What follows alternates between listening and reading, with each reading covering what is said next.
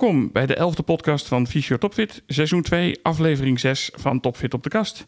Mijn naam is Ralf van der Winden en tegenover mij zoals altijd Daryl. Ja, zitten weer. Hi Daryl, gaan Ja. we weer. Ja, zit. Weer een bijzondere gast vandaag. Wie Ja. hebben we? Hele, hele bijzondere, hè? Hele Ja, bijzondere. ja. Ik, denk, eh, ik denk dat hij zichzelf eh, even zelf moet voorstellen. Oh.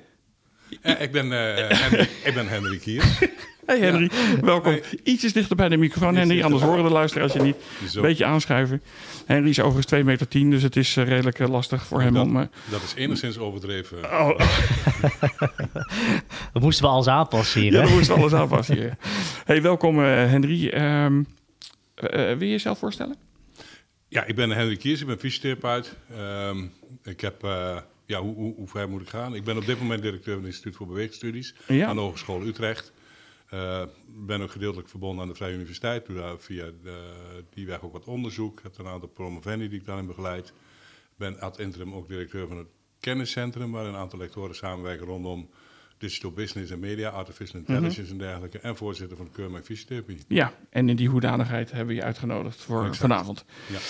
Ehm, ik, ehm, als jij een vaste luisteraar bent, Henry, dan heb je vast al begrepen dat we straks... eh, we doen een paar vragen achter elkaar, daar zeg je ja of nee op. En eh, afhankelijk van of jij daarop door wil gaan, gaan we daar verder op door. Eh, en dan begin ik bij vraag 1, als je het goed vindt. Ehm, bestaat het huidige beroep fysiotherapie over 10 jaar nog steeds? Ja, definieer huidig. Ja of nee? Nee. Nee, oké. De positie van de fysiotherapeut binnen de eerste lijn moet naast de rol van huisarts bestaan. Ja, 80% behandelgemiddelde is zowel voor de praktijk als voor het keurmerk een prima resultaat. je bedoelt behandelindex? Ja, 80%? behandelindex. Ja. Ja. Is het keurmerk voor marktwerking? Dat, je vraagt nu naar mening van een keurmerk. Ja. En als keurmerk kan ik daarop niet antwoorden, want daar hebben we geen mening over. Ik kan wel als persoon daarop Oké, antwoorden. nou dan als persoon. En dan ben ik daar niet voor op de manier zoals dat nu gebeurt. Nee. Data aanleveren blijft volgens het keurmerk een verplichting de komende vijf jaar. Ja, Oké. Dan gaan we beginnen met de eerste. Eh, bestaat de huidige beroep fysiotherapie over tien jaar eh, nog in de huidige setting? Jij zegt nee. Nou zoals gebruikelijk bij de ja-nee-vragen mis je Ja, die nuance. ja da- daarom krijg je nu de mogelijkheid om daar eh, wat van te vinden. Nou, ik denk dat er best wel heel veel veranderingen op eh, eh, al bezig zijn. Ehm, integraal zorgakkoord, regionalisering, ook andere vormen van, van financiering. Er- zal best wel, er zal best heel veel veranderen. Ja. We zijn op dit moment ook aan het werken aan een praktijk van de toekomst, om praktijken daarop te kunnen voorbereiden.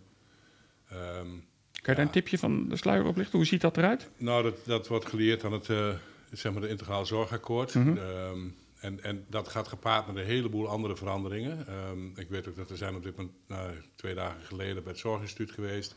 Dat gaat dan over, eh kan fysiotherapie wel of niet naar het basispakket. Ja. Dat is oorspronkelijk ook, eh, nou dat idee is ook wel geïnitieerd door, door Van Woerkom van KGF.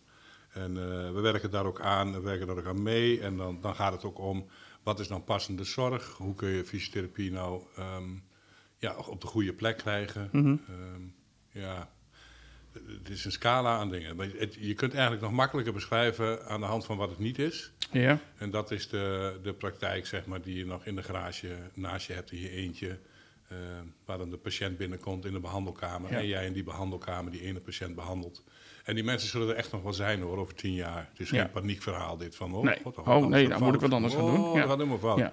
Nee, die zullen er best wel zijn, maar het zullen er wel steeds minder zijn. En een gezonde bedrijfsvoering krijg je, denk ik, over tien jaar steeds, eigenlijk steeds minder voor elkaar op die manier. Je zult meer naar buiten moeten, je zult meer over de muren van je eigen praktijk heen moeten kijken. Je zult met name ook interprofessioneel moeten samenwerken, samenwerken met andere paramedici, wat dat misschien nog wel een beetje meevalt.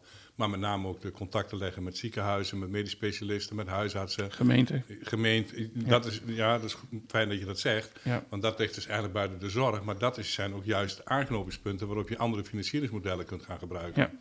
Ja. Want dat, eh, dat model van de, het tarief voor die ene behandeling, nou, dat is een beetje, nou ja, dat weten we allemaal wat we Ja. er verder op te hebben. Nee, dat, dat is wel duidelijk. Ja. Hey, eh, een beetje vooruit, vooruitlopend, inhakend op eh, de, de fysiotherapeut van de toekomst.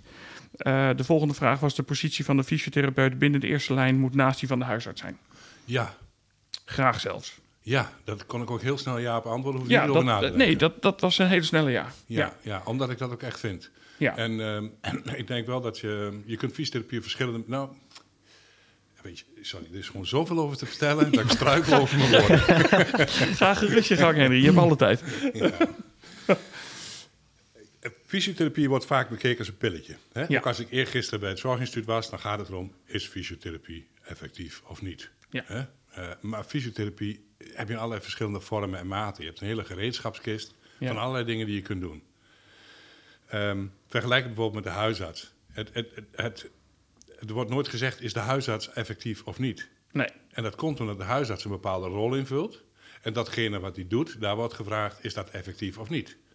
Het voordeel daarvan is, is dat als bijvoorbeeld blijkt dat bij eh, lage rugpijn paracetamol niet helpt, hè, dat, dat weten we inmiddels wel, dan hoeft die huisarts hoeft, dan kan gewoon een andere interventie een ander tabletje of een ander advies geven. En dat is gewoon nog steeds huisartsenzorg. Ja. Ik denk dat de fysiotherapeut, eh, die is beter geschoold, beter opgeleid in problemen met het menselijk bewegen. Hè, problemen die mensen hebben met bewegen.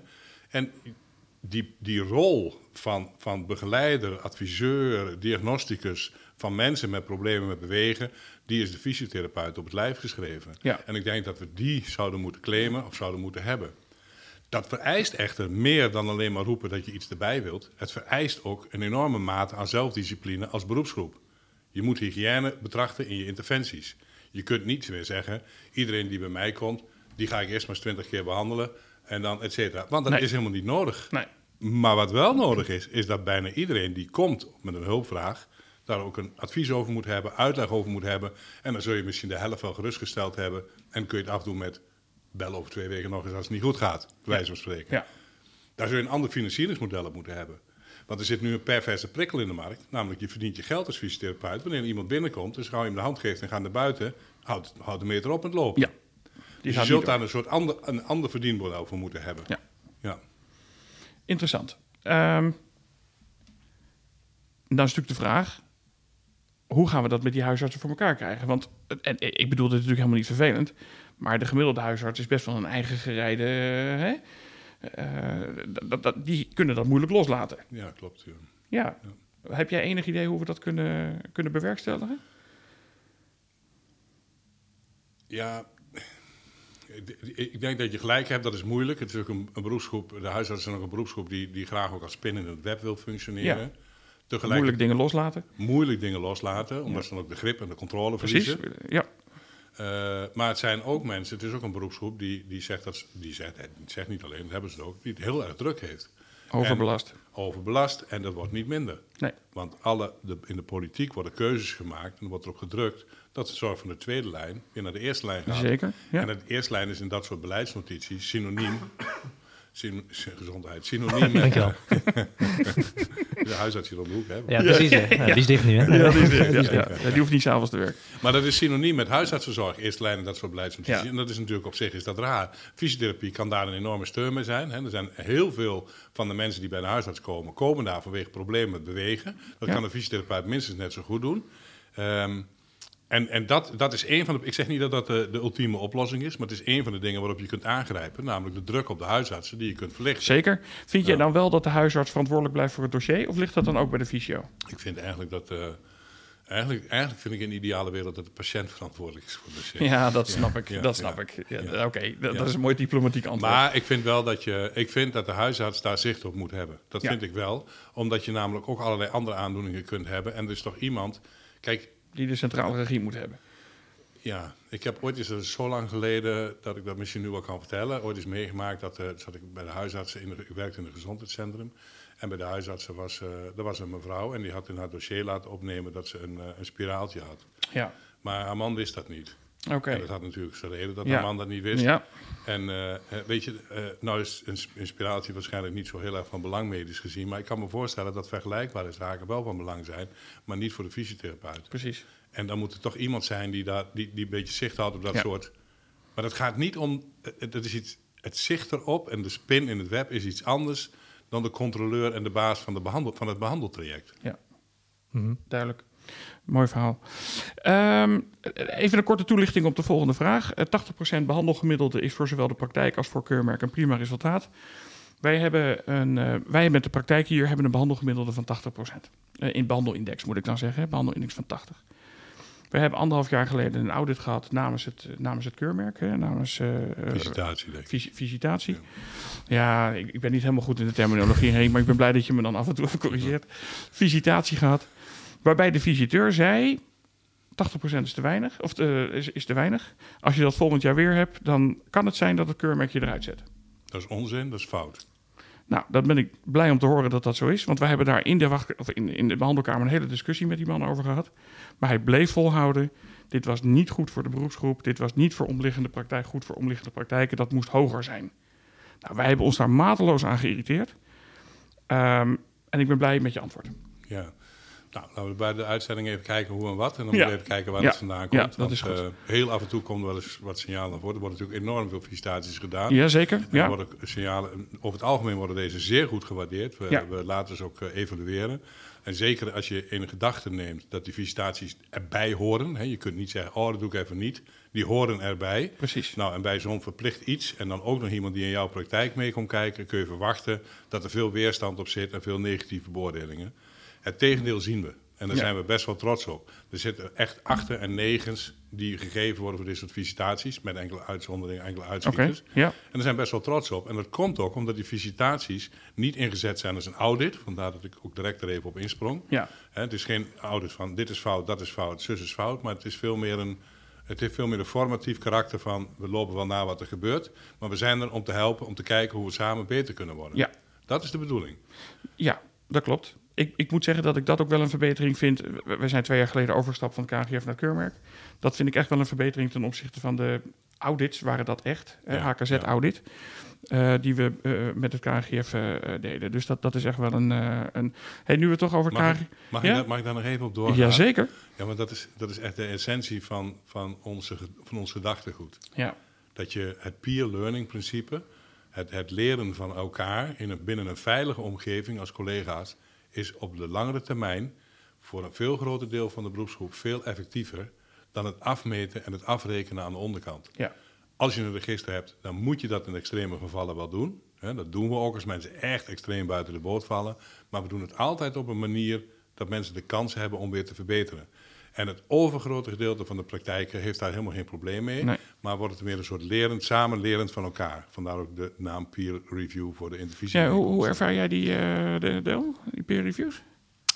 Ehm, ja, soms leerzaam, soms niet. Ja. Dus eh, het voelt wel een beetje af en toe als een verplichting, maar zeker van data-analyse is het voor de praktijkhouders natuurlijk super interessant, hè, de cijfertjes. Daar kunnen we straks nog wel over hebben of dat super interessant is. Maar ja, ja, eh, dus, dus, eh, maar goed, als het gaat om inhoudelijke casuïstiek, eh, ja, is het wel leuk om even te kijken en te meten is van, hey, hoe denken andere fysiotherapeuten over een bepaalde casuïstiek over? Dus ja, kijk je in de andere keuken. ja, precies. Ja, zeker weten. Ja, we hebben ook nog een, we hebben een paar van die uitgangspunten. Een ander uitgangspunt is van, wa- wat je niet moet proberen is eh, in één keer alles goed te doen. Maar je moet kijken naar, doen we het vandaag beter dan dat we het gisteren deden. En als je dan kijkt naar de peer learning, dan gaat het hartstikke goed. Want we hebben daarmee veel meer resultaat dan een paar jaar terug. Is dat perfect? Nee. Want er zijn heel vaak peer review bijeenkomsten. Er zijn ook groepen die, er- die er met de pet naar gooien. En dan een beetje gedoe krijgen met de coach die twee keer komt. Allemaal gesteggel en gedoe. Maar er zijn ook veel groepen die doen het hartstikke goed en hartstikke leuk. En grosso modo, over het geheel genomen, doen we het dan nu beter dan een paar jaar terug. En dat is, dat is de bedoeling. Gewoon Ja. elke dag een, een stukje Ja. beter. Ja, iedere dag verbeteren. Ja. Ja. Hey, ehm, we gaan niet eh, over eh, eh, de relatie met de KGF, gaan we, gaan we het niet over hebben. Wat er in het verleden gebeurd is, in het verleden gebeurd. Jullie zijn nu goed op weg, heb ik begrepen. Er vinden gesprekken plaats, die, die, die, die vinden in goede harmonie plaats. En de verwachting is nog steeds dat er een, uiteindelijk een, een samenwerking gaat plaatsvinden. Ehm, ja. Ja. Ja. we hebben een gesprek nu met, met, met een afvaardiging van, uit verschillende geledingen van het KGF. Mhm. Vanuit het bestuur, vanuit het concilium, vanuit de beroepsinhoudelijke vereniging. Dat zijn een man of zes. Ben je daar zelf dat, bij eh, aanwezig? ja, daar ben ik zelf bij aanwezig, ja. ja. En, eh, en dat zijn gesprekken die gaan in... in er zijn allemaal fysiotherapeuten ook onder elkaar. Dat zijn Ja. gesprekken die gaan eigenlijk hartstikke goed, ja. Met wederzijds respect. Er zit veel, er zat veel verschil in de, in de cultuur van de organisaties. En ehm, nou, niets is zeker. Nee. Eh, maar we zijn allebei, de, beide partijen zijn overtuigd van het nut om dit traject te Ja. doorlopen. En eh, ja, dit gaat met wederzijds respect gaat het nu. Nou, dat is eh, goed om te horen, Henry. ja. Dat is, eh, ik denk dat dat voor alle partijen goed is. Ja. Hey, het keurmerk is ergens een keer ontstaan. Ja. Uit welke behoefte is die ontstaan? En kun je daar iets meer over vertellen? Of zeg je van nou, Ja. Boe.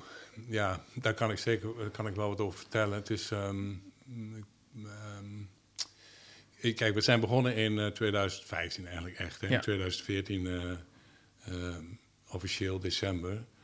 Ehm, ik, ik zoek even naar woorden, want ik, ik, ik wil absoluut niet de, de confrontatie tegenstelling vergroten. nee, maar daar stel ik de vraag ook niet voor. Hè? Nee, nee, daar, dat is niet om iets uit te lokken. Of, eh, ik, ik wil gewoon een... een, een eh, Ja. Nou, laat ik het dan heel plat zeggen. Wij, eh, ehm, na de bestuurswisseling in 2014, halverwege 2014, eh, is het, eh, het, het beleid rondom kwaliteit eh, op dat moment, eh, nou, op zijn zachtst gezegd, veranderd. Hè, en eh, ook de insteek is veranderd. En wij vonden dat echt dood en doodzonde. Er waren een aantal initiatieven die waren opgestart en die werden stopgezet. En ehm, ja, dat vonden we echt zonde. Als, dit, als, als daar nu niks gebeurt, dan zijn we over vijf jaar zijn we helemaal niks meer waard in de hele zorg niet. Dan neemt niemand ons nog serieus. Nee. En, ehm, en daarom hebben wij de keurmerk opgezet. Ehm, oorspronkelijk helemaal niet als bedoeling van een kwaliteitsregister of zo, maar gewoon als een middel voor praktijken om dingen samen te gaan doen. ja. Eh, en dat leidde heel snel tot eh verzekeraars die zeiden: ja, maar als praktijken dat doen, ja, waarom moeten ze dan nog in het kwaliteitsregister? Want dan, dan is dat eigenlijk ook voldoende. Ja. En op die manier zijn we eigenlijk in de positie van een kwaliteitsregister gera- geraakt. Ja. Eh, maar dat dus eigenlijk met als ideële doelstelling van dat je praktijken de gelegenheid geeft om ook te werken aan kwaliteit op de manier zoals we dat doen. Ja. Ja. Ja. En die behoefte bestaat nog steeds. En die behoefte bestaat nog steeds, ja. We hebben inmiddels 8000 therapeuten aangesloten. Dat is Ja. aardig wat. Ik, En ik, weet het echt niet. Hoeveel therapeuten zijn er überhaupt in Nederland? Ik dacht Heb iets jij- van eh eerste lijn is van 16.000 of zo. Oké, 15, dus de 15, helft ongeveer is 15, eh, 16, zoiets. eh, daarbij aangesloten aan het keurmerk. Ja, het is wel wat gedaald, volgens mij, de laatste twee jaar. Oké. Ja. Eh, eh, Ik bedoel deze vraag echt niet vervelend, Henry, maar heeft dat met name te maken dat zorg en zekerheid, of eh, so- sorry, eh, Zilveren Kruis min of meer verplicht stelde dat we lid werden van het keurmerk? Eh, nou, ze stelt het niet verplicht, hè, maar je krijgt dan een hoger tarief. En inmiddels krijgen alle praktijken een hoger tarief als je Ja. deelneemt aan, aan, aan het keurmerk. Ja. Dus dat zal ongetwijfeld... Kijk, wat er is gebeurd is dat wij aanvankelijk... Nou, net, ik net zei, we willen praktijken de gelegenheid bieden. Er was niks register, we hadden ook niks met verzekeraars of whatever. Eh, we zijn begonnen en toen hadden we al iets van 1400 eh, aangesloten mensen. Die kregen geen dubbeltje extra, helemaal Nee. niks. Die Nee. waren gewoon bezig omdat ze vanuit interne motivatie daarmee aan de slag gingen. Nou, daarna werd het een, eh, ook gezien als register. Eh, twee, drie jaar daarna ging het Zilveren Kruis. Die zei van nou, eh, we gaan de plussystematiek dan gaan we stoppen. En we nemen de keurmerksystematiek over. Andere verzekeraars hebben dat ook gedaan. En op dat soort momenten zagen we inderdaad een forse aanwas van nieuwe deelnemers. Ja. En dat heeft geleid tot die 8000. Ja, Dus, ehm, eh, maar het is nog steeds de helft niet. ja, ja. Ja, dat is, dat is prima. Ik vind 8000 al veel te veel. ja. Stichting Correlatie, u kunt contact Nou ja, opnemen wij, met... ja, eh, maar- wij, zijn, er- wij zijn er niet om, om, om zelf groot te worden. We zijn een stichting. Hè? ja, Dus al het geld dat wij, wij binnenkrijgen, dat gebruiken we om dit, dit systeem in de lucht te houden. ja. En dat, dat, dat gebruiken we ook, ook voor wetenschappelijk onderzoek en zo. Daar investeren we in. En dat, dat, dat gaat niets. Als vandaag stopt met keurmerk, Ja. dan krijg ik niks mee. Hè? Het is Nee. geen BV, nee, geen nee, aandelen, nee. helemaal Je krijgt geen gouden Dus handdruk mee. Het maakt, Nee. mij geen, maakt mij helemaal niks. Ik heb liever eh, zeg maar 3000 enthousiaste mensen die er vol eh, enthousiasme en Ja. overtuiging ingaan. Dan, dan, dan 20.000 mensen die er komen omdat ze een paar euro extra krijgen. Ja, Het omgekeerde vind ik overigens wel terecht.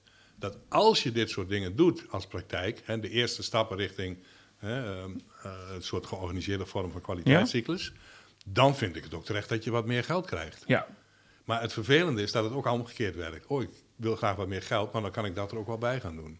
Ja. Hè, dat is een, eh, dat, ja, dat is Ja, dat is- onvermijdelijk. een mindset, ja. Ja. Ja, duidelijk. Hey, op de website staat een, eh, ik vind het een, eh, bij een keurmerk fysiotherapiepraktijk bent u verzekerd van kwaliteit. Dat staat er vast niet. Ja, dat staat er wel degelijk. Laat zien dan. Ik heb het net nog opgezocht. Nou, ik, ik laat het je na de uitzending wel even zien. Want als we dat nu moeten doen, dan heeft dat... eh, Nou, bent, u verzekerd, het, bent, u, bent u verzekerd van kwaliteit? Wat, wat we hebben gezegd is dat als je bij een keurmerkpraktijk bent, dan ben je ervan verzekerd dat deze mensen, deze praktijk en de therapeuten daarin aan kwaliteit werken en aan kwaliteitsverbetering werken. Wat we absoluut proberen te vermijden, is te zeggen dat als je in, bij een keurmerkpraktijk bent, Ja. dat die praktijk beter is dan een Nou niet-keurmerpraktijk. ja, dat, dat is dus waar ik naartoe niet- wilde. dat- Nee, dat kan helemaal nee, dat- nee. Het ene, en dat is ook... Je, je raakt heel snel in de discussie van wat is nu kwaliteit. Hè? Precies. Ja, Precies, ja. kwaliteit. Ja, zeggen kwaliteit. Nou, dan kun je toch helemaal niet meten. Weet je wel, dat. Hè?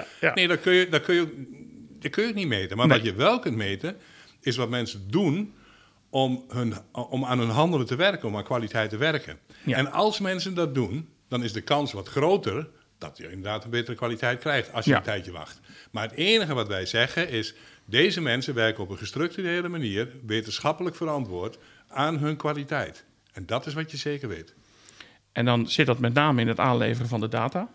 Het Nee, beoordelen nee. van die kwaliteit. Nee, dat zit hem. eh, Nee, die data, dat zijn, dat is. eh, nee, zeker niet.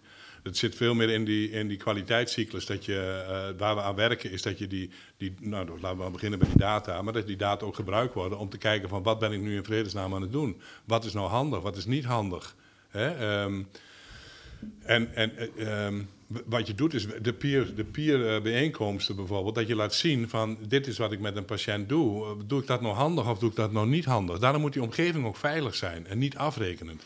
Hè, want Ja. je, je, wilt, je wilt eigenlijk juist je zwakke punt op tafel leggen om, om daar vervolgens van elkaar van te leren, zodat je weer een klein stapje kunt maken van oh, dat is handig, nou laat ik het dan eens zo aanpakken. Misschien gaat het dan iets beter. Ja, Kijk, in zo'n peer review kan ik me nog voorstellen dat daar ook de menselijke kant van de patiënt benoemd wordt en erin meegenomen wordt. Ja, Maar in de harde datacijfers wordt dat natuurlijk niet gedaan. nee. Als ik een, eh, een NPRS-score moet invullen en ik start met 9, dan blijf ik dat hele traject starten met 9. Ik kan dat niet meer aanpassen. En op het moment dat ik klaar ben met behandelen en de score is een 2 geworden, Ja. dan heb ik van 9 naar 2 heb ik echt, een, een, dan heb ik echt enorm goed gescoord. Ja. Maar begint iemand met een 4 en ik eindig met 2, dan heb ik het eigenlijk helemaal niet zo goed gedaan. Waarom niet? Nou, dat, dat verschil wordt aangegeven in, in de kwaliteitsmeting. Maar de, de, wat, een, wat je moet, kijk, dit is geen, het is een indicator voor wat je doet. Hè? Ja, En wat je, wat je doet is je krijgt de data terug. Je wordt binnen het keurmerk nooit afgerekend op hoeveel percentage je beter scoort dan een ander of hoeveel punten pijnafname. Maar het gaat erom dat je, dat je zicht hebt op wat er gebeurt met jouw patiënten. ja, En als jij bijvoorbeeld een heleboel patiënten hebt, dus we een heel extreem voorbeeld nemen, Ja. dat is vaak wat makkelijkst. Je hebt allemaal mensen met lage rugpijn. ja, En die mensen komen allemaal binnen op een NPRS van 4. Ja. En ze gaan er allemaal uit op een NPRS van 2. ja. Ja? Jij, ik, voor, de ra- Ja. voor de radio, meneer, ik wijs naar de andere persoon hier nu. Maar Henry wijst, Henry wijst naar Daryl. Ja? en- en jij krijgt ook patiënten met een lage rugpijn, maar die komen allemaal binnen met een veel hogere pijnscore van 8. En jij gaat vervolgens ook allemaal naar de 3, laten we dat zeggen. Nou, als, dat is natuurlijk een theoretisch geval, want het zal nooit allemaal zo zijn. Nee, dat snap ik. Maar als jullie dat naast elkaar kunnen leggen en jij laat het zien en jij laat het zien, dan vervolgens dan zit het lerend moment in het gesprek dat ontstaat. Hoe kan het nou dat jij alleen maar mensen krijgt met een pijnscore van 4? Hoe kan dat nou? Nou, dat is heel eenvoudig uit te leggen. Wij hebben hier eh, kwekers. Ja, En dat zijn hele harde werkers. ja, En die komen eigenlijk altijd twee weken te laat, als je begrijpt wat ik bedoel. ja. En die, die, die zeuren niet om een pijntje. Nee, nou, Ik heb dan- pijn. Ja, vier. Nou, prima. nou prima toch dan? Nee, dat begrijp ik wel. Alleen in je, eh, de data die je erop verzamelt uiteindelijk... zit daar wel een groot verschil in. Ja, maar dat, dat verschil bestaat in echt ook. Want die mensen geven een 4 aan als ze binnenkomen. Of, Ja? dus dat, dat Maar ik score hoger als ik begin met een 9 en ik eindig op een 2. Ja, dan scoor je een betere, eh, Ja. meer vooruitgang. Ja, dan score ik Ja, meer maar daar is vooruitgang. toch een hele goede reden voor? Ja, maar, maar dat vind ik dus... Een, mag ik dat een beetje vals spelen noemen? Nee, Eh, nee, dat mag niet. Nee, mag ik? Nee. Oké, nou, ik doe het toch. nee, want het punt is dat dat is geen afrekensystematiek. Het is niet zo van, oh jij doet eh, zeven punten binnen, dat is beter of dat is slechter. Maar het is puur de, in, het is de input voor het gesprek onder elkaar. Ja, maar wat wil je nou meten? Je, je doet het toch niet voor niks? Ik Nee, begin je met een niet 9 en ik eindig met een 2. Maar wat Ja. wil je dan meten? Laten we het nog extremer doen. Ja. Jij begint met een 9, eindigt iedere keer met een 2 gemiddeld. Jij begint met een 9 en eindigt iedere keer met een, eh, Met een een 4. 7. Oh, een 7. Met Ja. 7 of zo. En je hebt, dan wat je dan gaat doen, is je gaat met elkaar in gesprek. Je constateert dat daar een fors verschil zit. Mhm. Dan zegt hij, hoe kan dat nou? En dan zeg jij misschien wel van, eh, eh, nou zit het in verschillende soort patiënten? Nou, je hebt ook allemaal kwekers en je hebt ook allemaal kwekers en weet ik wat er rol ik hier rondloopt. Nou, allemaal hetzelfde, daar zie je geen verschil in. En dan zeg jij van, ja, maar wat, wat is er dan het verschil? Dan zeg jij, nou, ik ga ze allemaal, eh, ik manipuleer eh, het, het, het Health 5 S1, even simpel. en jij zegt, nou, ik doe altijd motivational interviewing. Nou, dan, dan heb je een aangrijpingspunt van, kan ik van jou leren? Wat, wat, wat is er nou het verschil? Waarom doe jij dit dan beter dan ik? Dat is dus het leermoment. Het meten, het verbeteren op van de patiënt is niet, is niet het, het criterium. Wat jij nu schetst, gebeurt dat ook in de praktijk? Dat hoop ik. En ik weet dat dat lang niet massaal gebeurt. En dat een heleboel mensen dat nog niet doen. Maar dat is wel onze intentie. Vandaar ook dat we de datacursus hebben ontwikkeld. En dat we nu bezig zijn met een datacursus deel 2. Ja, waarin we maar- nog meer ingaan op dit Maar, soort maar Henry, jij bent, jij bent zelf fysiotherapeut. Jij bent toch geen Ja. data-analyst? Nee, dat hoeft toch ook niet? Nee, maar je wilt toch gewoon fysiotherapie toepassen? Ja, dat doe je dan toch? Nee, ik begrijp het wel, maar het, het stuk administratie wat hier nu bij komt... Het is toch geen administratie? Natuurlijk is het administratie. En soms zijn niet. dingen zelfs dubbel. Ah, ja, is dat dubbel Als jij een goede anamnese afneemt, heb je vaak een heleboel vragenlijsten niet nodig. En als je een heleboel vragenlijsten hebt, dan kun je heel stuk korter zijn in je anamnese. Nee, zo werkt het natuurlijk zo werkt het wel. Nee, nee want, want dan zegt de patiënt, ja, die vraag heb ik net al beantwoord. Ja, je krijgt een hele discussie met die er zijn, eh, over. Mhm. er zijn hele leuke onderzoekjes naar gedaan. Als je van tevoren een, een aantal vragenlijsten laat afnemen, dat moeten Ja. vragenlijsten zijn die zinvol zijn, de nuttige, de goede vragenlijsten. Daar gaan we het zo ook nog over En- hebben. En, Ja. niet, en niet dubbel en dergelijke. Dan blijkt dat je in de anamnese dat patiënten sneller tevreden zijn, meer Mhm. tevreden zijn, omdat de anamnese namelijk veel meer toespitst en sneller toegaat op wat het probleem van de patiënt is. Ja, maar dan moet hij wel van tevoren invullen. Ja. Als ik hem opstuur en er gebeurt vervolgens niks mee, dan heb ik er nog niks aan. Nee, dan heb je er niks aan. Nee, Nee. dan heb je niks. Nee, maar Nee. 9 van de 10 vullen hem van tevoren niet in. Dus zit ik hem alsnog tijdens de anamnese te doen. En Ja. eigenlijk dubbel. Mensen moeten aan een manier zien te vinden waarop ze van tevoren... Nee, dat vind ik te makkelijk. Nee, dat vind ik te makkelijk. Nee, Waarom is dat te makkelijk? nee dat is te makkelijk. Je, eh, Je, be- je bezorgt jezelf een hoop werk als jij tijdens de anamnese moet gaan invullen. En, dan, en als je dat ook nog op papiertje doet en dan vervolgens aan het einde van de dag achter computer we moet doen gaan zitten gelijk, alsnog... eh, we doen het netjes gelijk in het systeem. Dus nou, dat dat, is, dat scheelt al een stuk. maar eh, wat ik, wat ik me daadwerkelijk afvraag is hoe mijn kwaliteit kan verbeteren. Als ik, ik, ik, ik lever ongeloof, we leveren echt ongelooflijk veel data aan. Eh, Wordt die alleen door het keurmerk gebruikt of wordt dat ook nog ergens anders? Gaat dat, gaat dat nog naar Nivel? Gaat dat nog naar een zorgverzekeraar? Gaat dat nog naar... Nee, de data die uit de EPD's worden gehaald, die gaan eerst naar een TTP, een, een, een derde Mhm. partij, een Mhm. trusted third party, zeg maar. Ja, ja, ja. Die eh, pseudonymiseert die data, zodat ze niet meer herleidbaar zijn tot de patiënt. Dan gaan ze naar het NIVEL. En NIVEL maakt daar een, eh, zeg maar een, een, keurige eh, database van, die schoont de data. En dan heb je die data opgeslagen in een, in een database. En wij kunnen als keurmerk kunnen wij gebruik maken van die database. En dat is alleen maar voor het keurmerk. Ja. Daar komt geen zorgverzekeraar aan te pas. Die ziet die data niet. Nope, Oké. helemaal niet. En nee, nee, maar dat Nee. vind ik wel redelijk belangrijk. Behalve, behalve als we opdracht daartoe krijgen van de praktijk zelf schriftelijk. Dus als jij mij een brief stuurt en je zegt tegen mij: Ik wil dat mijn data naar het Zilveren Kruis gaan. Mhm. En oké, dan, dan doen we dat. Maar dan moeten we dat schriftelijk op papier hebben, op jouw verzoek, op jouw opdracht. Ja, Dan doen we het. ja. En eigenlijk doen we het dan liever nog niet eens. Nee, Maar goed. soms kom je er niet onderuit. Maar, maar als ik het goed begrijp, wat je net zei, Henry, is, is, is dat ook echt uiteindelijk wat jullie willen, het, het waarborgen van die kwaliteit van de therapeut? Op zo'n manier? Dus door middel van de data met elkaar uit te wisselen en in discussie te gaan, eh, zoals bijvoorbeeld die peer, die peer, ehm, Review? peer bijeenkomsten, we Ja. het mooi noemen. Ehm, om je eigen kwaliteit daarmee te verbeteren op, op, op die manier dan? Ja. Of is er een andere manier om als fysiotherapeut wel... eh, laat ik het anders zeggen. Ik bedoel, we, eh, we hebben 16.000 fysiotherapeuten. We willen allemaal kwaliteit werken. Je wilt eigenlijk dat iedereen, al die 16.000, eh, net zo goed is als eh Pietje. Janne, zeg maar. Als jij. Dat wil ik niet zeggen, maar kom wel in de buurt. Nee, nee, nee maar ehm, je wilt die 16.000 wil je natuurlijk gewoon kwalitatief houden. Mhm. Dan is mijn vraag van, je wilt natuurlijk de beste zorg leveren. Ik bedoel, als we straks over tien jaar naar een situatie gaan waarbij de fysiotherapie ja, nog andere rollen gaat aannemen. Hè, wat jij net zei, over de muur heen gaan kijken. hè, Vond ik een hele mooie. Ja, dan moet de kwali- kwaliteit bij de therapeut ook hoger liggen, denk ik. Of hoe, hoe, hoe, moet ik dat zien? Hoe kan je nog meer de kwaliteit van die fysiotherapeut of verbeteren of, of beter waarborgen? Ja, Dan, alleen, data dan alleen die data. Ja. Is daar nog een andere manier? Ik bedoel, ik snap scholing. Snap ik. Maar goed, als ik een scholing heb gedaan, wil niet zeggen dat ik per se een betere therapeut ben. Ik heb eh, ehm, de fysiotherapie gedaan, hè, de opleiding, en daarna manueeltherapie in Amersfoort. Ehm daar hadden we aan het einde van het vierde jaar hadden we zogenaamde mini-klinieken. Dan gingen we naar experts in het vak, de oude rotten zeg maar. Eh, ik ben al, bij Kees Vel geweest in Den Haag bijvoorbeeld. En dan zat je daar met acht of negen studenten en dan kreeg je een patiënt en dan was je anderhalf uur mee bezig met de patiënt. Met die oude rot in het vak erbij. En daarna besprak, je besprak die patiënt ook hoe en wat en zo en zo. Ik, wil niet vervelend zijn, maar ik denk dat ik de helft van alles wat ik weet ongeveer in die bijeenkomsten heb geleerd. Hè? Dat is de, dus er zijn een andere manieren om te leren. Data is niet heilig. Het is niet zo dat de Mhm. data de enige manier is om van te leren. Er zijn een heleboel manieren om van te leren.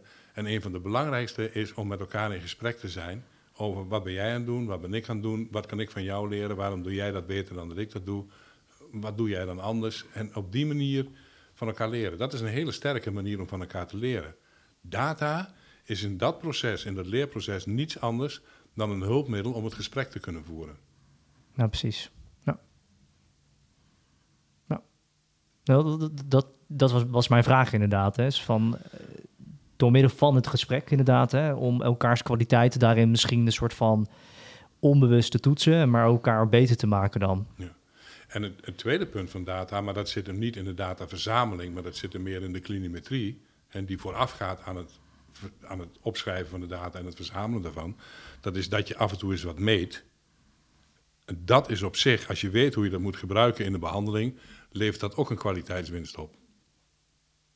Op dat moment dan. Ja, Ja, op dat moment voor Ja. die patiënt. precies. Maar ik vind zelf, ik vind dat die, de, de, de kennis over hoe je nou klinimetrie moet inzetten. Om in jouw één op één relatie met de patiënt die behandeling iets te verbeteren, iets aan te scherpen. die kennis eh, is er niet voldoende. Nee, precies. Want, en als je dat niet voldoende hebt, dan wordt het een administratieve klotenklus. Hm. Ja, en dan tel daarbij op, als ik even daarop door... Waar Ben jij... eh, Nee, ga je jij, eh, nou ja, dan zijn er natuurlijk nog een heleboel vragenlijsten. En nogmaals, ik ben zelf geen fysiotherapeut, Henry. Laten we dat even vooropstellen. Ik, Kom je eh, nou mee? Ja, komt nee. Ik denk, jij hebt je verdiept in eh, tegen wie over je zit. Dat heb je al lang in de gaten. Eh, nee, maar denk even de, de, Startback screening tool. Ja. Die moet jij als lage rug specialist moet je die natuurlijk kennen. Is eigenlijk alleen maar voor acute rugklachten. Maar ik moet hem ook invullen bij mensen die chronische rugklachten hebben. Waarom?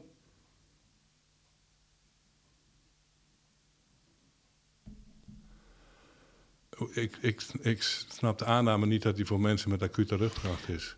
De Starback screening tool is alleen maar bedoeld. De vragenlijst daarvoor is voor mensen met acute rugklachten.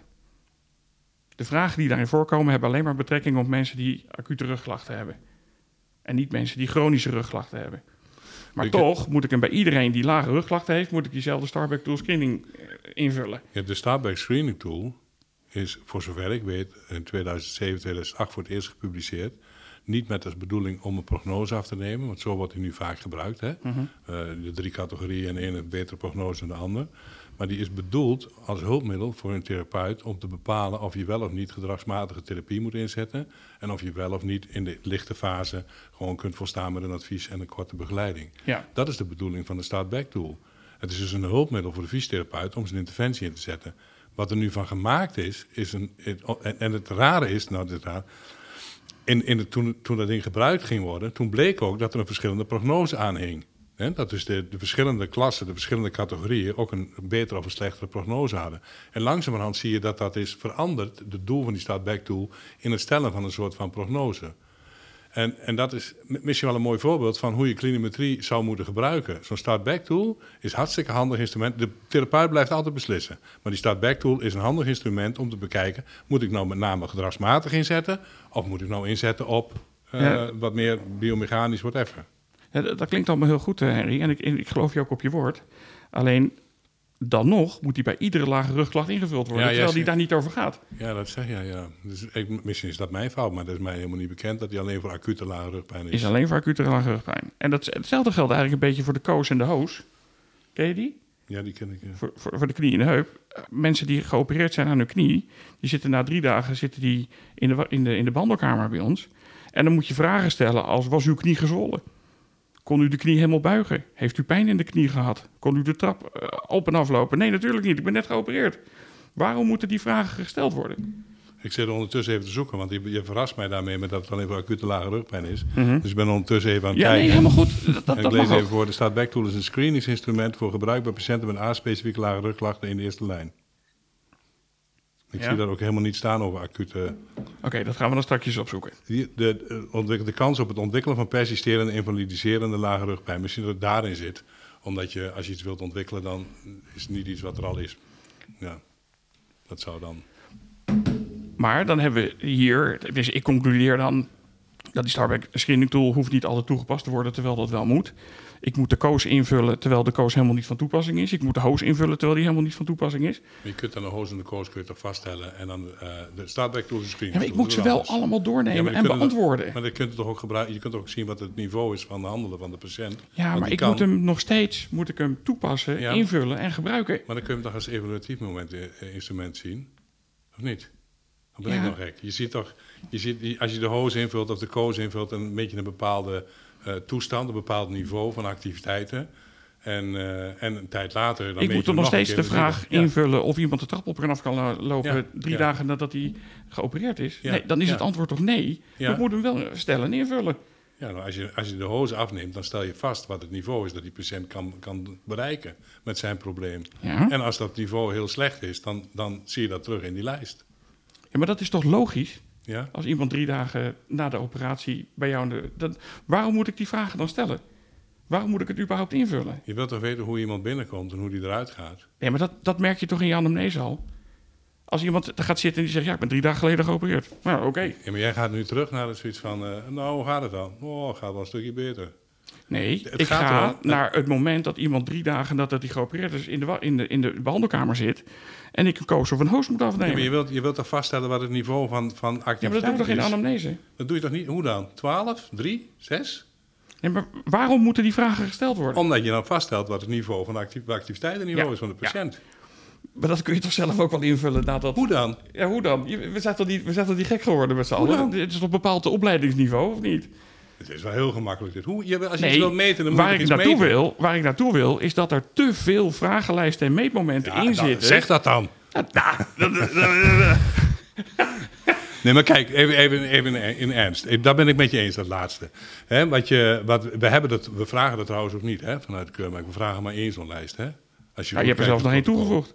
Maar goed, dan? de MRSK, zeg ik dat goed? Nee, als nee, nee, nee, nee, nee, nee, niet toegevoegd? Is dat een andere? Uh, eh, MSK heb je toegevoegd. Nee, dat, is, dat is één, dat is een advies. En twee, dat is een screeningslijst. Dus we hebben als kan een screeningslijst, we hebben een, een, niveau van activiteit en een niveau van pijn. Dat gaat om musculoskeletaal. Mm En dat zijn drie dingen die zijn alle drie te verantwoorden voor de, voor de behandeling zelf. Ja. En je weet wat voor niveau iemand binnenkomt, je weet wat voor niveau van pijn die heeft. Ja. En als dat zinvol is, kun je een screeningslijst toepassen als hulpmiddel voor de. Maar um, even terug, je wilt, je wilt dat dus vaststellen ook wat het niveau van handelen is, zodat je ook kunt meten, kunt zien van hoeveel knapt de patiënt op of niet mm op. En daarnaast is het zo dat je, waar we nu mee bezig zijn, is ook het, uh, al die verschillende vragenlijsten. Want je hebt dan niet drie of vier voor de knie bijvoorbeeld. Maar je hebt wel uh, ook in ons protocol voor iedere knie, voor een heup, voor een arm. Het is telkens een andere vragenlijst. Waar we naartoe willen en waar we nu ook aan werken en waar we onderzoek naar doen. Hebben ook trouwens wat subsidie voor gekregen. Mm -hmm. Is het ontwikkelen van, een, uh, van één vragenlijst die vooraf in een. In dat dat zijn we ook bezig in te richten, die vooraf door de patiënt kan worden ingevuld en dan bij de, bij de therapeut in het dossier zit op het moment dat de patiënt komt. Daar moet je wel een logistiek voor inrichten in de praktijk. Maar dat, dat, dat, dat werkt toe naar de ideale situatie. Heel goed. Dat je één niveau van functioneren hebt en dat je dat ziet en dat je ook meteen ziet wat is nou het grootste probleem van die patiënt. Dat versnelt de, de anamnese en dat geeft je een mooi uh, overzicht over wat er gebeurt. Het voordeel van die lijst is dat die, zeker voor musculoskeletale problematiek, is die, ligt die ook al klaar als advies voor de tweede lijn. En daarmee komen we op een punt dat je dan in een situatie komt dat patiënten dit overwegend van tevoren gaan invullen, onafhankelijk, waardoor ook de uitkomsten betrouwbaarder worden. Dat mag je mhm. ook wel eens een keer zeggen. Hè? Ja. Dat de therapeut daar veel minder administratie in heeft. En heel belangrijk, dat je kunt vergelijken wat er gebeurt met de patiënt als hij bij een andere zorgverlener komt. Ja. En daarmee kun je dus ook gaan aantonen wat substitutie van zorg doet. Hoe zinvol is fysiotherapie nu? Want wij kunnen wel roepen, we hebben twintig jaar geleden een diploma gehaald en wij zijn heel goed.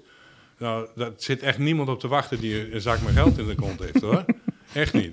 Die zegt, nee. maar zien uh, hoe je dan bent. Waar dan? Waarom dan? Ja. Hè? En het is zelfs zo, als je, als je aankomt met keurige studies, randomized control trials, systematic reviews, wanneer je zegt, kijk, als je dit en dit doet bij die en die patiënt, dan knappen ze zoveel op. Dan is het antwoord standaard. En ik, ik begrijp het ook nog.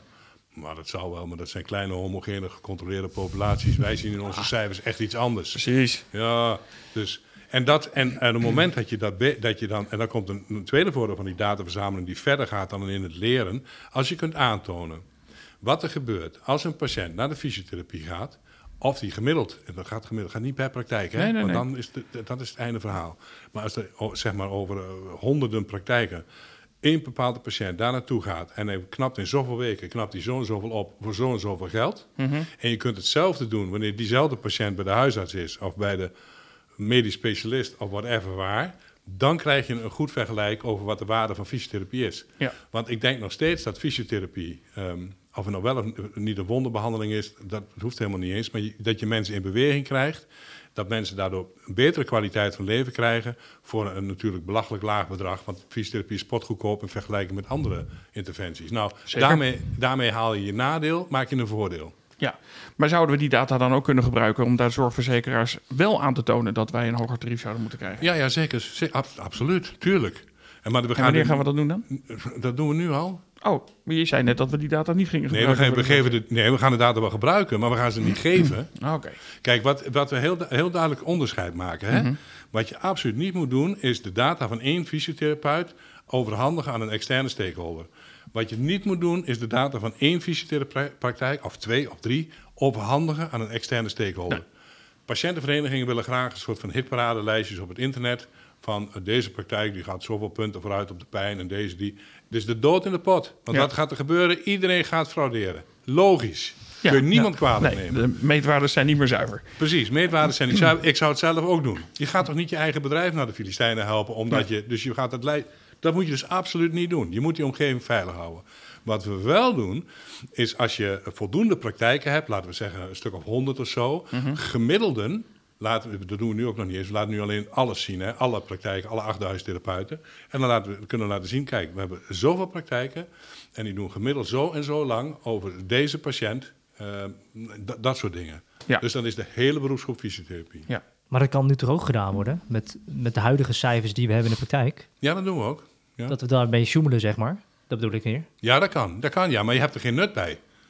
Je hebt geen, geen, je hebt geen voordeel bij als jij gaat zoemelen als praktijk... dat jij er dan beter uitkomt of zo. Want er is niemand die kijkt naar jouw eigen praktijk. Bovendien ehm, geven wij ook geen, geen eh, terugkoppeling... of geven we niet een extra euro of weet ik veel wat of zo... opdat jij eh, de pijnscores beter beïnvloedt dan een andere praktijk of je buurman. Daar zijn we helemaal niet mee bezig.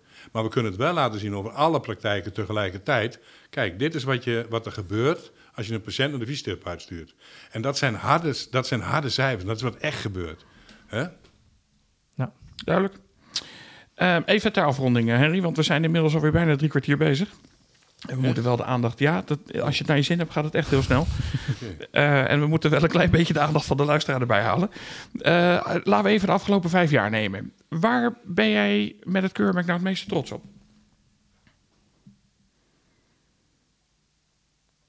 Wat is iets waarvan je zegt, nou, dat we dat bereikt hebben... of dat we dat voor elkaar gekregen hebben... of Ja, dit is een beetje... iets waarvan je zegt, nou, dat ik, dat, Ja, dat heb ik absoluut. Maar er zit wel een disclaimer bij. Maar ik zal eerst zeggen waar ik trots op Ja. ben.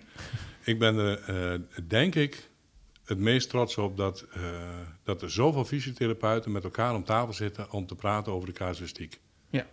Omdat ik denk dat dat op een informele en vaak leuke manier eh, ook leidt tot kwaliteitsverbetering. En, en wees eerlijk, wat, wat, wat is er nou leuker om als fysiotherapeut met een biertje in de hand en de benen op tafel met elkaar te ouwe hoeren over het vak. en als je dat dan ook nog doet, sigaartje erbij. Als dat ja. echt zo was, Henry. ja, maar dat is eigenlijk wel, dat is wel, en dat is meteen een disclaimer. Hè? Eh, natuurlijk weet ik dat dat niet overal gebeurt en dat het overal perfect gebeurt. Dat, natuurlijk weet ik dat er, dat er groepen zijn waarbij ja, van de acht man de zeven eigenlijk niet willen. Weet je wel? En die komen... Het is dat wat het moet. Ja. Maar je maakt het voor jezelf ook niet echt leuker daardoor. Hè? Nee. En het is best, het is echt, als je, als je het doet op de manier zoals het bedoeld is, dan is het zinvol en dan is het leuk. En, eh, en ik ben er trots op dat, dat we toch in ieder geval die stap hebben gemaakt. Dat heel, dat heel veel fysiotherapeuten het wel doen op een manier die, eh, die zinvol is. En dat er dan ook een aantal zijn die dat dan. eh, Nou ja, maar dat, dat kan ook het kaf van het koren scheiden natuurlijk. Nou ja, het, het raar is, wij, wij controleren natuurlijk niet op of iemand zijn best doet tijdens peer review. Daar, daar Nee. kijken we niet naar. Dus. Wat dat betreft kunnen we kaf niet van het koren scheiden. We hopen dat dat door, door de groep zelf gebeurt. Zeg, nou jongen, doe even, kom op man, doe even mee. Je hebt toch niks van een, een anderhalf uur te gaan zitten zeuren hier. Nee. Weet je? Ja. Anderhalf uur. Bij ons is het al maar vijf minuten online, toch? Dus zijn we mee. Ja, Ja, Daar zou je niks over zeggen. Oh, daar zou ik niks over zeggen. Ik Even nog wat, voor elkaar. even, wat, eh, even wat appen. Hij de- gaat even, wat- ja, ik zie het daar. Komt hij weer met zijn telefoon. Ja, nee. Eh, eh, Henry, eh, is er nog iets waar je op terug wil komen? Is er nog iets wat je wil melden? Heb je nog iets waar je zegt, nou, ik heb een leuke scoop. Dat wil ik echt wel eventjes nu eh, erin gooien. Nou, ik, misschien, ik zou nog wel eens wat willen, willen benadrukken. Dat is een beetje ook wat je ziet in de politiek. ehm, eh, hoe, je, hoe je met data om moet gaan. Eigenlijk hoe je met feiten om moet gaan. Dat, Mhm. dat, dat zit, is eigenlijk een maatschappelijk nog veel groter fenomeen. Er zijn, we- leven in een, in een hartstikke mooi land, hè? een welvarend land. Hartstikke Zeker. goed, een soort oase in de wereld. Ehm, en dat heeft ook mee te maken dat, wij, eh, dat het kennisniveau van ons hoog is. En dit hangt heel nauw samen met het gebruik maken van de feiten die we hebben. Er zijn, we weten niet zoveel over het leven. We weten niet zo heel veel over hoe de wereld eruit ziet over een paar jaar. Maar er zijn een paar dingen die we wel weten. En dat, dat weten we uit goed onderzoek. Daar komen die dingen naar voren, bladibladibla. En nu is het zo dat het onderzoek niet leidend is in wat je, wat je gaat doen. Maar ik vind wel, je moet er op een manier naar kijken dat wij zijn mensen die de, de feiten die we hebben moeten interpreteren. Ja. En wat je, dan, wat je daarmee doet is wat anders. Een beetje, een beetje, een beetje risicovol, maar ja, een beetje risico mag wel in de podcast. Ja, Als je het hebt over de stikstofdebat en dergelijke. Ja. Er zijn een aantal feiten die liggen gewoon op tafel. En, en ik vind het heel spijtig dat men aan die feiten gaat zitten moddelen. Wat je met die feiten doet, dat is wat anders. Dus als een politicus zegt, het interesseert me niks dat die natuur een beetje, een beetje saai wordt en een beetje eenzijdig. Eh, ik vind andere dingen belangrijker. Volstrekt legitiem argument vind ik dat. Maar als je gaat zitten moddelen aan die cijfers, dan ga je de verkeerde kant op. En, hetzelfde, en, en ik trek die parallel een beetje met de fysiotherapie. Die data, dat is niets meer dan een input, dan een hulpmiddel voor het brein van de therapeut. Want er zijn denkers die doen. Hè? Ja. En, en, en zo moeten we ze beschouwen. Ze zijn niet leidend, ze zijn niet absoluut. Ze zijn indicatief, ze zijn dingen die kunnen helpen. Maar in het brein van de fysiotherapeut en in de interactie met de patiënt, daar is waar het echte plaatsvindt. En dit is alleen maar een hulpmiddel. Nou, ik, ik denk wel, wel mooi dat je dat zegt, want ik denk dat nog heel veel fysiotherapeuten denken, ik doe het invullen voor het invullen, maar eh, minder van, joh, ik doe het meer voor mijn eigen kwaliteit, omdat ik het echt wel meten en weten is van, hé, hey, wat gaat er goed, wat gaat misschien minder goed. Ja. Ehm, dus meer de waarom-vraag erachter. Ehm, en ik denk dat we daar misschien zeker in de toekomst aan moeten werken, dat we de data die we moeten eh, eh, eh, verstrekken, zeg maar, dat we daar meer op Je- een je- andere manier Je kan moeten het zien. ook omdraaien. Ehm, misschien vinden wij het wel het invullen voor het invullen, omdat we eigenlijk niet zo goed weten wat ermee gebeurt en wat we ermee moeten. Precies, maar, ook, ja, maar, misschien ook, precies. die- maar ook de kennis over de vragenlijsten, dat vind ik ook wel een goede wat je Ja. aankaart. Ik denk, Maar is daar een rol voor het keurmerk weggelegd? Absoluut, absoluut. En daar besteden we best heel veel tijd aan nu. We hebben er ook een aantal subsidies voor binnengekregen. En, eh, en dat is de essentie van het hele verhaal. Want Ja. als je alleen maar data verzamelt om in te vullen, heb je er niks aan. Nee. We willen die datacursussen gaan uitbreiden. We willen eigenlijk ook wat, wat eh, eh, kijken of wat partners kunnen vinden die ook bij praktijken langskomen op verzoek. Hè? Mhm. Gewoon om te kijken van nou, wat kun je dan met die data doen? Dat, dat, het moet een instrument zijn dat de therapeut helpt. Niet een verplichting om dingen in Nee, te of een belasting. En nu zien we het vaak als een belasting. Ja. En, dat is, en ik kan me dat ook wel voorstellen hoor, met alles wat we al hebben in die behandelkamer. Ja. Mag ik Mag nog één voorbeeld noemen van je, je waarom... mag wel eh, twee voorbeelden geven, Henry. Ja. Nou ja, waar bijvoorbeeld eh, het, het meten en registreren kan helpen. Wat wij vaak te horen krijgen is van, van verzekeraars en andere financiers... jullie geven ellenlange behandelingen, allemaal chronische patiënten... en die worden maar doorbehandeld. Dat is helemaal nergens voor nodig. Weet jij wanneer een patiënt wel of niet behandeld moet worden? Doorbehandeld moet worden of niet? Fysiotherapeuten zeggen, ja, als ze dat niet doen, dan gaat het steeds slechter. En dan blijft er... Wat je daarmee kunt doen met meten bijvoorbeeld, is dat je vastlegt wat is het niveau van deze patiënt, wat is het activiteitsniveau van deze patiënt. En op een gegeven moment stop je. Je stopt met de behandeling, maar je blijft een meting doen. Misschien één, twee keer in een periode van drie maanden dat ze niet behandeld worden. En je ziet keurig wat er gebeurt met die patiënt. En als je dan een patroon ziet waarbij die patiënt dus naar beneden gaat in zijn niveau van functioneren, dan is het heel legitiem om dat wel te vergoeden als verzekeraar. Dan kun je geen kant meer op inhoudelijk. Nee. En dat is maar één voorbeeld van hoe je metingen kunt inzetten om behandelingen te optimaliseren. Klaasje heeft er veel over geschreven, ook in 2008 of zo al in BMG. Dat, dat is maar één manier, eh, eh, eh, één voorbeeld waarop je het kunt gebruiken. Ja, maar we weten bijvoorbeeld, ja, nou ga ik, we weten bijvoorbeeld ook dat als je wilt, wa- wat ik altijd heel mooi vond, is, ehm, is het geven van een prognose aan een patiënt. Zodat de patiënt ook kan zeggen, oké, ik ga er wat voor doen, of het interesseert me niks, gaat er zelf alweer voorbij, weet je wel. Ja. Denk maar een paar, twee dagen langer last. Nou, een van de dingen die daar heel erg in, in voorspellend is, is de duur van de klacht voorafgaand aan dat de patiënt binnenkomt.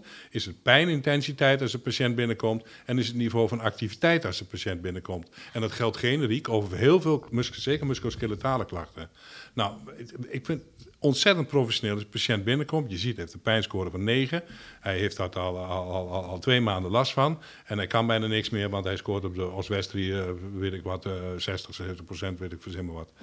Dat je dan tegen zo'n dat je dan weet, die, die prognose is gewoon heel slecht. We moeten hier fors aan de bak. En dat je dat ook tegen een patiënt kunt zeggen. Met een goede onderbouwing. En dat is, dat is de manier waarop je data zou moeten gebruiken. En dan wordt het ook leuk. Ja. Ja, ja, zeker, zeker. Ik denk dat het een hele goede methode is en dat het ook zo ingezet moet worden. Maar dan heb je die kennis nodig. Ja, Persoonlijk, door de master die ik nu doe, heb ik die kennis gekregen. Ik ben laatst achtergekomen dat de PSK nu overgegaan is naar PSG. ja. Bijna Paris Saint-Germain. Maar ik bedoel, ik zat echt te kijken, maar het is gewoon PSG. Dan nodigen we Om- Messi een keer uit. Kijken of Omdat die... ze- eh, ja, precies. ja. Omdat het, ja, daar wordt weer anders gekeken naar acti- activiteitenniveau.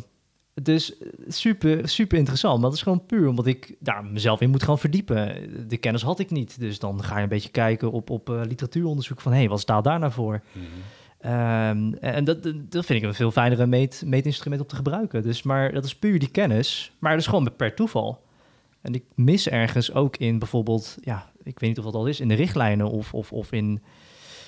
zeg maar wat, iets Ja, dat maakt extern binnen kunnen Daar heb je, heb je helemaal gelijk in. Er wordt te weinig aandacht besteed aan hoe je in het primaire proces die meetinstrumenten kunt gebruiken. Ja. Er wordt veel meer gezegd, je- dit meetinstrument is het beste instrument op wetenschappelijk onderzoek, dus dit zou je moeten gebruiken. Dat- en dan houdt het vaak erop. Maar het vervolg ontbreekt. En wat we proberen als keurmerk is zeker ook de komende tijd dat nog verder te intensiveren.